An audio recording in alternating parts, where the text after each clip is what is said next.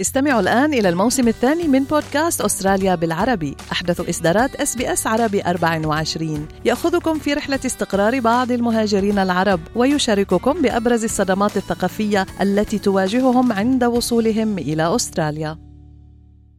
أنتم مع إس بي إس عربي 24 استمعوا إلى آخر إصداراتنا بودكاست الهوية. طريق الهجرة. أهلا بكم في فقرة طريق الهجرة من أس بي أس عربي 24 أنا بترا توق الهندي. وأنا فارس حسن ونناقش لهذا الصباح ولهذا الأسبوع مع وكيل الهجرة رأفت سوريال قرار الحكومة الفيدرالية بإيقاف طلبات الحصول على تأشيرة المستثمر أو ما كان يعرف باسم التأشيرة الذهبية. لاقى القرار ترحيبا من منظمة الشفافية الدولية في أستراليا. هذه التأشيرة فارس تتطلب استثمار بحد أدنى قدره خمس ملايين دولار بأستراليا مقابل الإقامة الدائمة التلقائية. طبعا لا يطلب من حاملي هاي التأشيرة لما كانت سارية مفعول تعلم اللغة الإنجليزية أو التحدث بها. وزيرة الشؤون الداخلية كلير أونيل تقول أن التأشيرة اللي قدمت في تحت إشراف حكومة جوليا جيلارد ب 2012 كانت جزء من نظام بروكن معطل مكسور ورثه حزب العمال. ويجري حاليا النظر في خيارات تغيير التأشيرة وتعزيز هجرة المهارات تحديدا. هل إلغاء تأشيرة المستثمر قرار صائب في التوقيت كما المضمون؟ بس السؤال الأهم يلي رح نطرحه اليوم على ضيفنا يلي اشتقنا له كتير شو أهمية اختيار المسار الأسهل؟ والأقصر والأضمن للوصول لأستراليا كمحطة أولى بدل ما تكون محطة نهائية مع نظام النقاط اللي أحيانا يكون مرهق معقد ومتطلب جدا. بالفعل أستاذ رأفت أهلا وسهلا فيك. اشتقنا كثير نسمع صوتك واشتقنا لإطلالاتك ومعلوماتك. صباح النور على اغلى الحبايب ربنا يخليك. الأستاذة الأخت الغالية الأستاذة بترا. وجميع المستمعين الكرام والمستمعات الكرام وحشتوني جدا. بس عايز أقول إنكم دايما في قلبي فبتوحشوني زيادة رغم إنكم معايا يعني. أنت اللي وحشتنا وحشتنا خالص. وحشتنا من طيب. هنا لبكرة يا أستاذ رأفت. أيوه لا ده حضرتك وحشتوني من هنا للقمر ومرة ثانية الله يخليك الله يخليك. أهلا وسهلا فيك. يعني إلغاء تأشيرة المستثمر وبنعرف في برامج شبيهة في دول حول العالم حتى دول أوروبية حتى في الولايات المتحدة بإمكانك أن تكون مستثمر وتحصل على تأشيرة ذهبية. كيف تقرأ يعني قرار الإلغاء؟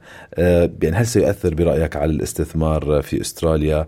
يقال أن العوائد كانت ضعيفة أصلا يعني منذ عام 2016 أنا بشكر حضراتكم على السؤال وأنا سعيد بهذا القرار لأنه لو إحنا قرينا ما بين السطور وتابعنا الفيزا دي هنلاقي إنه الفيزا ديت كانت مفيدة لبعض الاستثمارات في أستراليا ولكن مع احترامي للجميع إحنا لو بصينا على مين كان بيستعمل الفيزا دي كان أكتر من 50% من الناس اللي بتيجي عليها كان الإخوة والأخوات من تشاينا وبعدين بعد كده إيران وبعدين بعد كده هونج كونج. إحنا بالنسبة لنا آه كان الفلوس بتيجي بس كان كل معظم التقارير بتقول إن الفلوس دي كان بيتم استثمارها في شراء العقارات. آه أنا بالنسبة لي لما ابص على الإحصائيات بتاعت كام فيزا تم إصدارها في السنة المالية اللي فاتت ألاقي إن هم طلعوا مئة ألف فيزا من هذا النوع وكان تقريبا في من سنة 2022 لحد السنة السنة اللي قبلها والسنة لحد دلوقتي حوالي 2000 شخص تمتعوا بهذه الفيزا. أنا ببص على المجتمع ككل. طب افرض إن أنا دي دي بتدي امتيازات لبعض الناس. حكومة جيلارد طلعتها. كانت في وقت من الأوقات كانوا عايزين أستراليا يجي فيها ذخيرة كبيرة من الأموال. طيب كويس جدا. إحنا الفترة دي يمكن تقريبا عديناها. دلوقتي إحنا في الفترة اللي أستراليا محتاجة مهارات. ومن هنا بدأت الحكومة وأنا بشكر الحكومة الأسترالية على اتخاذ القرار ده لأنه أنا في رأيي انه اتخاذ قرار جميل جدا. لو أنا عندي 2000 شخص آخرين مش لازم يكون عندهم المبالغ المهولة دي من الفلوس يقدروا يستفيدوا من الفيز اللي موجودة وخصوصا إن أنا عندي مفاجأة مش لطيفة يعني أنا آسف إن أنا هقولها إنه إحنا عندنا لما نيجي لما أنا باجي ببص لها كراجل بشتغل في مجال الهجرة أنا عندي مسموح لي في السنة المالية 2023 لحد 2024 مسموح لي إن أنا أجيب 375 ألف فرد. خلاص الفترة بتاعت كوفيد انتهت. استراليا سمحت ب 510 ألف فرد. طب السنة اللي جاية اللي ولادي وإخواتي اللي هيقدموا فيها طالبين كام؟ طالبين 2024 ل 2025 طالبين إن ال maximum اللي يخش 250 ألف شخص. يبقى اذا كل مكان يفضى من فيز أنا مش قادر أقدم عليها هو ده امتياز لاولادي واخواتي اللي ممكن هيقدموا النهارده أو بكره أو بعد بكره. أستاذ رأفت خليني أروح دغري معك على السؤال المحوري والأهم، طالما عندنا 250 ألف تأشيرة متاحة اليوم، كتار من الأشخاص عايزين نوع من الضمان إنه يوصلوا على أستراليا وأستراليا تصير مكان استقرار كوجهة نهائية، وعادة نظام النقاط بيكون كتير معقد، أستراليا بتصير كابوس بالنسبة للكتار، وكنا عم نحكي أنا وياك وقلت قديش مهم اختيار المسار الأسهل للوصول لأستراليا كمحطة أولى بدل ما تكون نهائية. رح أتركك أنت تشرح أهمية هذا الموضوع. أستاذة بترا آه أنا بحييكي ومش بس أنا اللي بشكرك أنا بشكر كل شاب وشابة وأب وأم هيسمعوا الحلقة دي ويحاولوا إن هم يستفيدوا منها. إحنا دلوقتي بقى كنا زمان دايما وكنا دايما بنتسأل السؤال الجوهري. أنا عندي كذا سنة أنا بتكلم إنجليزي كذا أنا قدمت على امتحان ال IELTS أو قدمت على امتحان ال PTE وقدمت آه طلب لوزارة الهجرة ولسه ما ردوش عليا. السؤال ده أنا آه أي حد كان يتكلم فيه كان قلبي يدمي. ليه؟ لأن هم يا عيني قدموا على حاجة اسمها expression of interest ما قدمش طلب لسه. يبتدي بقى ال expression interest ده عبارة عن ان أنا بقول للحكومة الأسترالية أنا أنا مهندس أنا دكتور أنا أنا أنا أنا أنا عايز آجي أهاجر عندكم. هم بقى كانوا بيختاروا وبيختاروا الطلبات ويبعتوا لنا invitation يبعتوا للشاب ده أو الشابة دي invitation علشان يقدم الطلب. يقعد قاعد ما هوش عارف بي بي بيتحرك يعمل إيه ومن هنا بدأ كلمة كابوس تتولد.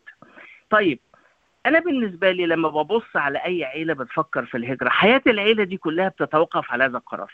أنا فاكر سيدة من السيدات فاضله جدا قالت لي اتصلت بيا من الأردن وقالت لي أغير ال lounge بتاع بيتي ولا لأ؟ أنا أنا هسافر إمتى؟ شوف لدرجة أبسط القرارات اللي الناس بتاخدها مش قادرة تاخدها لأنه آآ آآ طب أنا همشي إمتى؟ طيب إحنا بالنسبة لنا لو قرينا التغييرات اللي طلعت في ال ministerial direction 105 اللي لسه طالع الشهر ده أواخر الشهر اللي فات أول الشهر ده. الوزيرة الحقيقة وزيرة بتفكر بطريقة جميلة جدا وأنا بحييها عليها. هي قالت إيه؟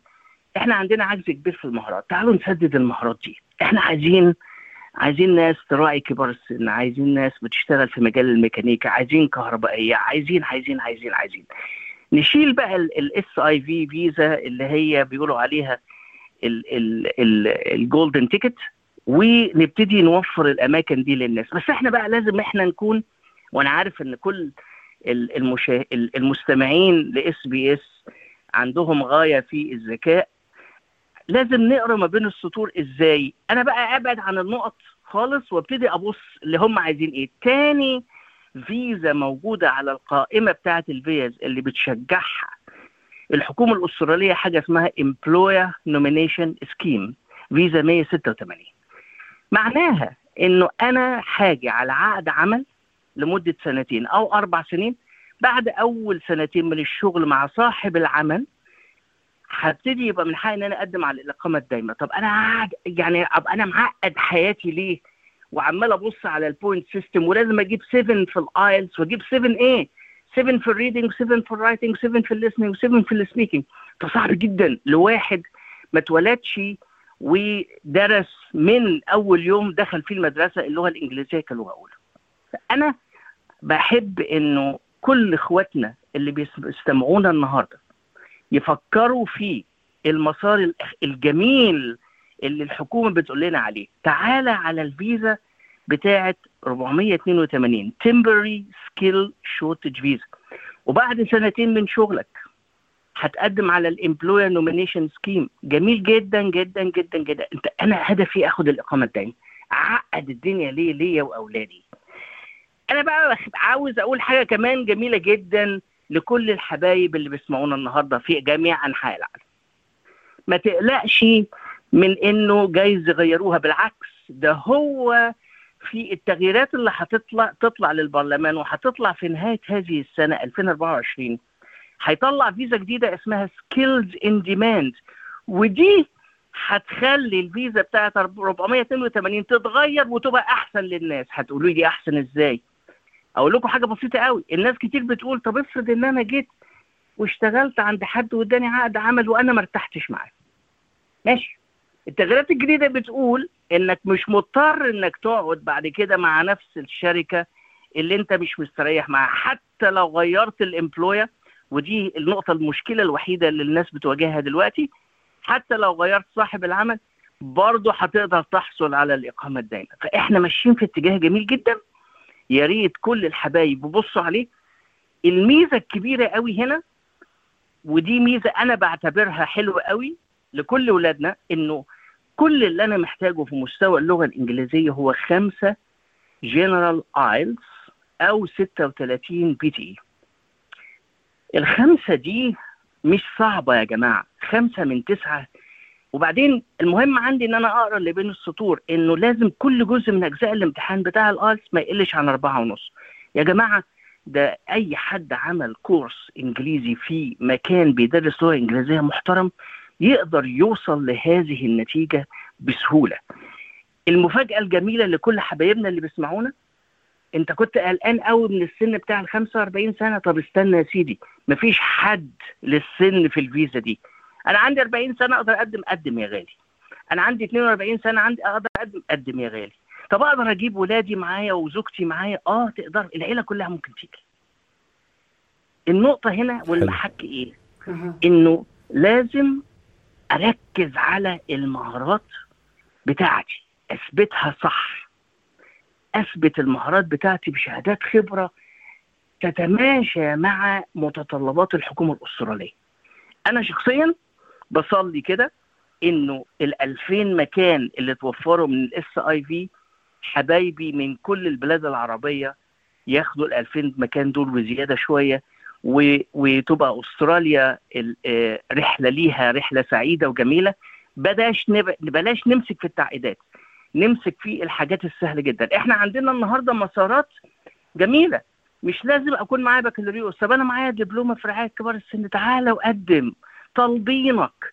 ده إحنا ده إحنا لما حتى بنخش على ال website بتاعت وزارة الهجرة بنلاقي banner كده مكتوبة بال بال بالأسود بتقول إن إحنا بنغير ال system وبنعمل له update أستراليا فاتحه الباب بس بأسلوب مختلف. يا جماعة أي حد عنده سؤال يسأل ال SBS. مرجع جميل للمعلومات. وإحنا كلنا تحت أمر الجالية. اللي محتار وعايز يمشي إزاي اسأله. إحنا كلنا معاكم. بس ابعد عن التعقيد. شركات كتيرة جدا عندها استعداد إنها تعمل كفالة وخصوصا إن حتى اتجاه أستراليا على حسب ال Ministerial Direction 105 اللي لسه طالع بيقلل عدد الطلاب اللي هيقدموا ل student visa. كان الناس دايما تقول لي أنا هخش على student visa وبعدين أعملها فيزا عمل أنت مش محتاج تعمل كده دلوقتي. بدل ما تخش هتبقى معقدة وطالبة إنجليزي أكتر. صحيح لين ندور على التعقيدات؟ يعني ندور على الطريق الأسهل والأحسن. وما نصرفش فلوس كتير. طب أستاذ رأفت على الفيزا كلام فاضي يعني. على حد علمك يعني انت عم تحكي وطبعا معلومات جدا دقيقة إنه حتى لو شخص عنده دبلومة يعني ممكن إنه يقدر يهاجر على أستراليا. ولكن كثار بيصطدموا بحاجز معادلة هاي هذا المؤهل الأكاديمي. لو كان مؤهل مهني بيلاقوا إنه في اختلاف بالنظام التعليمي بين دولنا العربية وبين أستراليا. وصعب الشخص يثبت إنه عنده هاي المهارة. يعني ممكن يكون هو نجار مثلا جدا ماهر في عمله أو سباك أو غيره من تخصصات اللي استراليا كثير بدها إياها ولكن مش قادر يعادل هذا المؤهل. شو بتنصح هدول الفئة تحديدا؟ شو يعملوا؟ عندنا حل جميل جدا. جدا جدا جدا. قبل ما أعادل الشهادة أعمل حاجة اسمها ار بي ال يعني أنا عندي دلوقتي أنا نجار. زي ما حضرتك تفضلت وذكرت. ماشي. أنا نجار وبشتغل في ورشة نجارة. خير. أنا هاخد صور ليا وأنا بشتغل وهاخد شهادة من صاحب الورشة بأن أنا بش كنت بشتغل فيها لمدة ثلاث سنين أو أكتر ويعمل حاجة اسمها الاعتراف بالخبرة. حاجة اسمها RPL Recognition of Prior Learning. وإحنا بنعمل دي في أكتر من 270 شهادة. أنا النهارده لما أعترف بالخبرة بتاعتي يبقى في إيدي في الشهادة بتقول شهادة أسترالية دبلومة أو Certificate IV أسترالية اللي طالبها اللي طالبها وزارة الهجرة في المهنة دي أبقى أنا أقدر لما أعمل تقييم بعد كده أنا داخل له بشهادة أسترالية ما يقدرش يقول لي الشهادة دي مش معترف بيها. يعني يا جماعة زي ما الأستاذ فارس بيقول ما نخشش ما نبصش بصوا ما فيش مشكلة خالص لو إحنا فكرنا خارج ال box. مشكلة إن إحنا بعض الناس وبعض ال ال ال الناس بيفكر عندها بيقولوا عليها ال tunnel vision إنه هو باصص للطريقة التقليدية اللي أخويا جه بيها أستراليا من سبع سنين. بس القوانين اتغيرت وفي تغييرات وفي طرق أسهل بكتير. إحنا النهارده مثلا واحد أو واحدة عنده خبرة في الميكانيكا. مفيش مشاكل. تعالى اعمل لها recognition بقى معاك شهادة أسترالية بتقول إن أنت معاك دبلومة in automotive حلو. بقى معايا شهادة استرالية. اعمل التقييم بعد كده. التقييم مقبول. يعني حل رائع في كلية استرالية هتدي لي شهادة إلا إذا كانت مقتنعة بإن أنا بعمل إيه؟ أنا بعمل ماتشنج بجوز المعلومات اللي موجودة في الدبلومة. في المواد اللي إحنا بندرسها بالخبرة اللي هو عملها. طب افرض إن أنا مس... لازم أدرس مادة ولا اتنين ادرسهم يا سيدي بالمراسلة.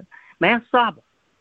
طب ما إحنا بنقدم في سبع دبلومات في, في الشرق الأوسط وأول مجموعة هتتخرج عندنا من رعاية كبار السن هيتخرجوا في الشهر الجاي شهر في مارس إن شاء الله. حل ممتاز. يمكن اليوم يمكن اليوم أستاذ رأفتك غيرت لنا طريقة مقاربتنا للموضوع. الكتار بدهم استقرار يعني بيقول ما بدي أعذب حالي وخوض بغمار المجهول. بدي أعرف إنه هذا الاستقرار نهائي بأستراليا. اليوم خليتنا نفكر بطريقة مختلفة. وصلوا اختاروا المسار الأسهل والأضمن بس توصلوا على أستراليا كمحطة أولى. قد تفتح أبواب تانية. نحن بدنا نشكرك من قلبنا على هذه الإضاءة. يلي رح تكون بارقة أمل يمكن للكتار. شكرا جزيلا لك أستاذ رأفت. سعدنا بصحبتك جدا على اللقاء الجميل ده. وبشكركم اديتولي فرصة إن أنا أعمل حاجة أنا نفسي أعملها ألا وهي إنه بقية إخواتنا يعرفوا إن الطريق مش مسدود وأستراليا آه فاتحه الباب. وأتمنى آه ل مش بقى 2000 شخص 5000 شخص ان هم يستغلوا النظام الجديد ويوصلوا وأهلا بيك وإحنا عايزين العزوة بتاعتنا تكبر. العزوة تكبر. الناس الحلوة بتاعتنا تزيد. الله يخليك. إن شاء الله. ونلتقي الأسبوع المقبل كمان. إن شاء شكرا الله. من قلبنا لك. شكرا لك. وفي ختام هذا البودكاست نذكر مستمعينا ومستمعاتنا أنه ما ورد فيه على سبيل المعلومات العامة. إذا عندكم طلب تأشيرة يرجى استشارة محامي أو وكيل هجرة هل تريدون الاستماع إلى المزيد من هذه القصص؟ استمعوا من خلال أبل بودكاست، جوجل بودكاست، سبوتيفاي أو من أينما تحصلون على البودكاست